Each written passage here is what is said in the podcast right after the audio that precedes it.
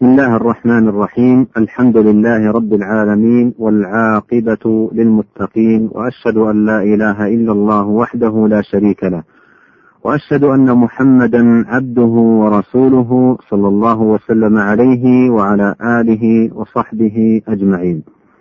السلام عليكم ورحمة الله وبركاته. وبعد معاشر المستمعين من أسماء الله الحسنى السميع وهو اسم تكرر وروده في القرآن الكريم فيما يقرب من خمسين موضعا.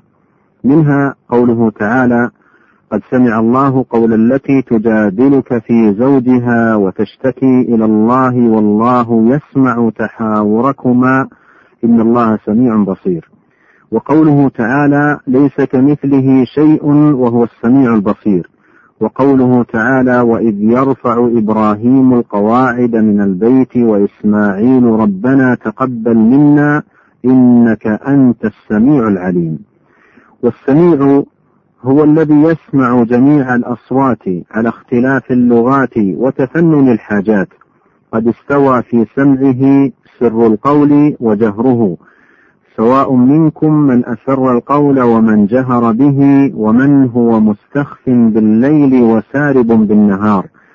وسع سمعه تبارك وتعالى الأصوات كلها فلا تختلف عليه الأصوات ولا تشتبه ولا يشغله منها سمع عن سمع ولا تغلطه المسائل ولا يبرمه كثرة السائلين.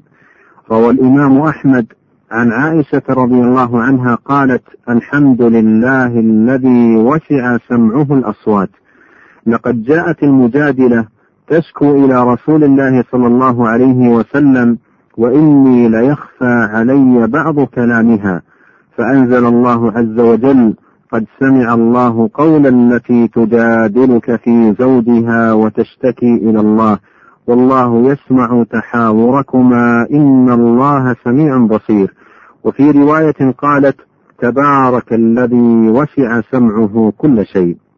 معاشر المستمعين بل لو قام الناس كلهم من آدم عليه السلام إلى أن يرث الله الأرض ومن عليها في صعيد واحد وسألوا الله جميعا في لحظة واحدة وكل عرض حاجته وكل تحدث بلهجته ولغته.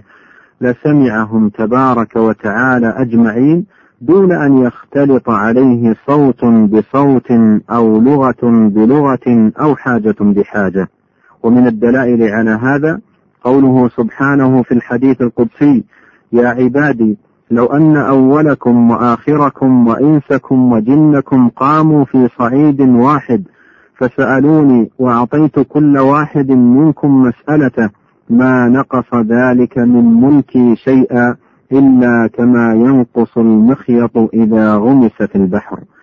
وفي البخاري عن أبي موسى الأشعري رضي الله عنه قال كنا مع النبي صلى الله عليه وسلم في سفر فكنا إذا علونا كبرنا فقال أربعوا على أنفسكم فإنكم لا تدعون أصم ولا غائبا تدعون سميعا بصيرا قريبا.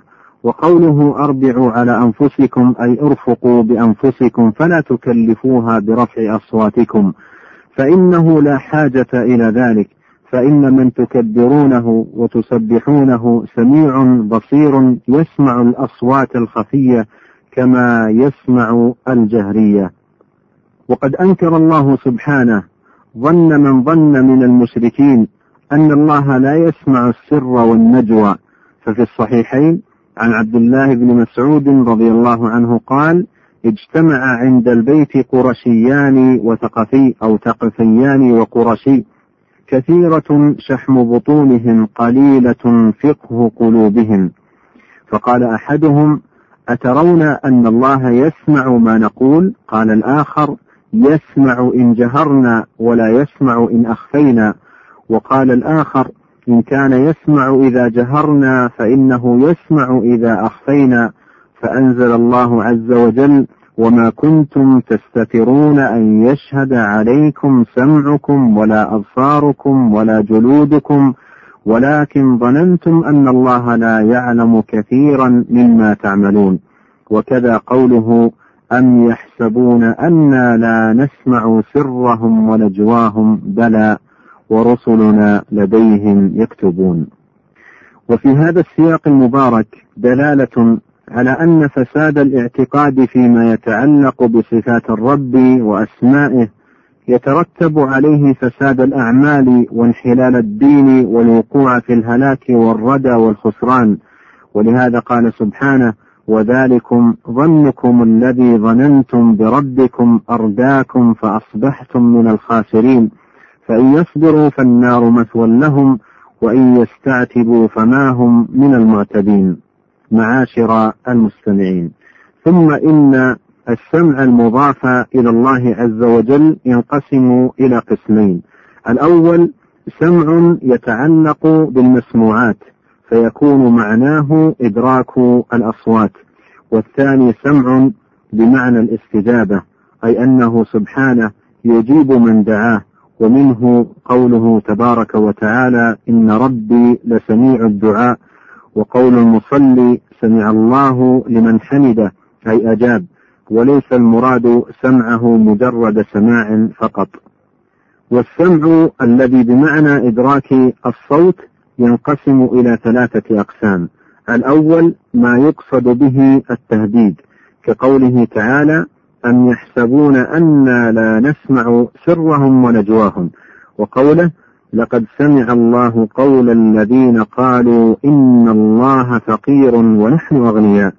الثاني ما يقصد به التأييد كقوله تعالى لموسى وهارون عليهما السلام إنني معكما أسمع وأرى.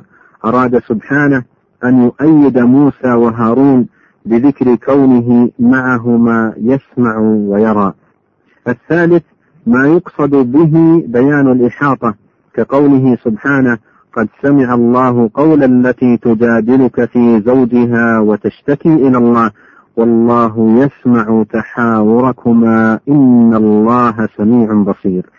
معاشر المستمعين وقد أبطل الله في القرآن شرك المشركين بتوجههم إلى أصنام لا تسمع ولا تبصر ولا تغني شيئا وبين سبحانه أن المستحق للعبادة هو الله السميع البصير الذي له كمال السمع وكمال البصر وقد ورد هذا المعنى في مواضع عديدة من القرآن الكريم. قال الله تعالى والله يقضي بالحق والذين يدعون من دونه لا يقضون بشيء إن الله هو السميع البصير. وقال تعالى واذكر في الكتاب إبراهيم إنه كان صديقا نبيا إذ قال لأبيه يا أبت لم تعبد ما لا يسمع ولا يبصر ولا يغني عنك شيئا؟ وقال تعالى إن الذين تدعون من دون الله عباد أمثالكم فادعوهم فليستجيبوا لكم إن كنتم صادقين. ألهم أرجل يمشون بها أم لهم أيد يبطشون بها أم لهم أعين يبصرون بها أم لهم آذان يسمعون بها؟ قل ادعوا شركاءكم ثم كيدوني فلا تنظرون.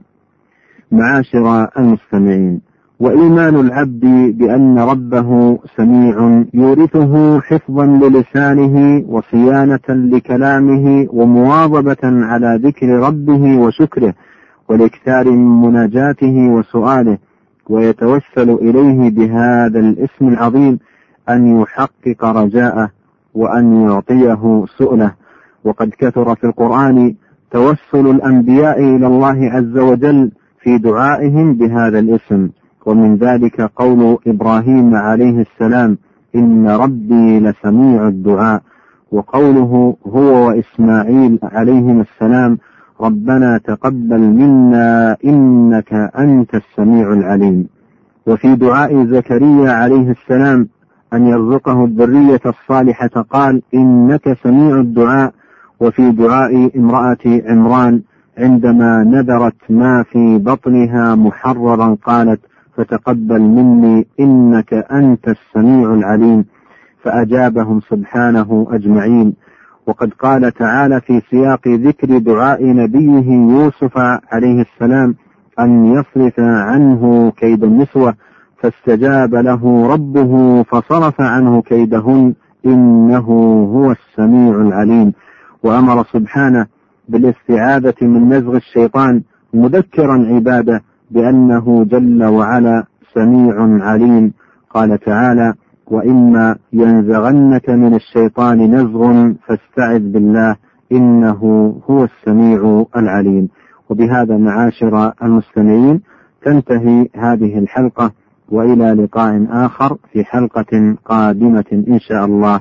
والسلام عليكم ورحمة الله وبركاته.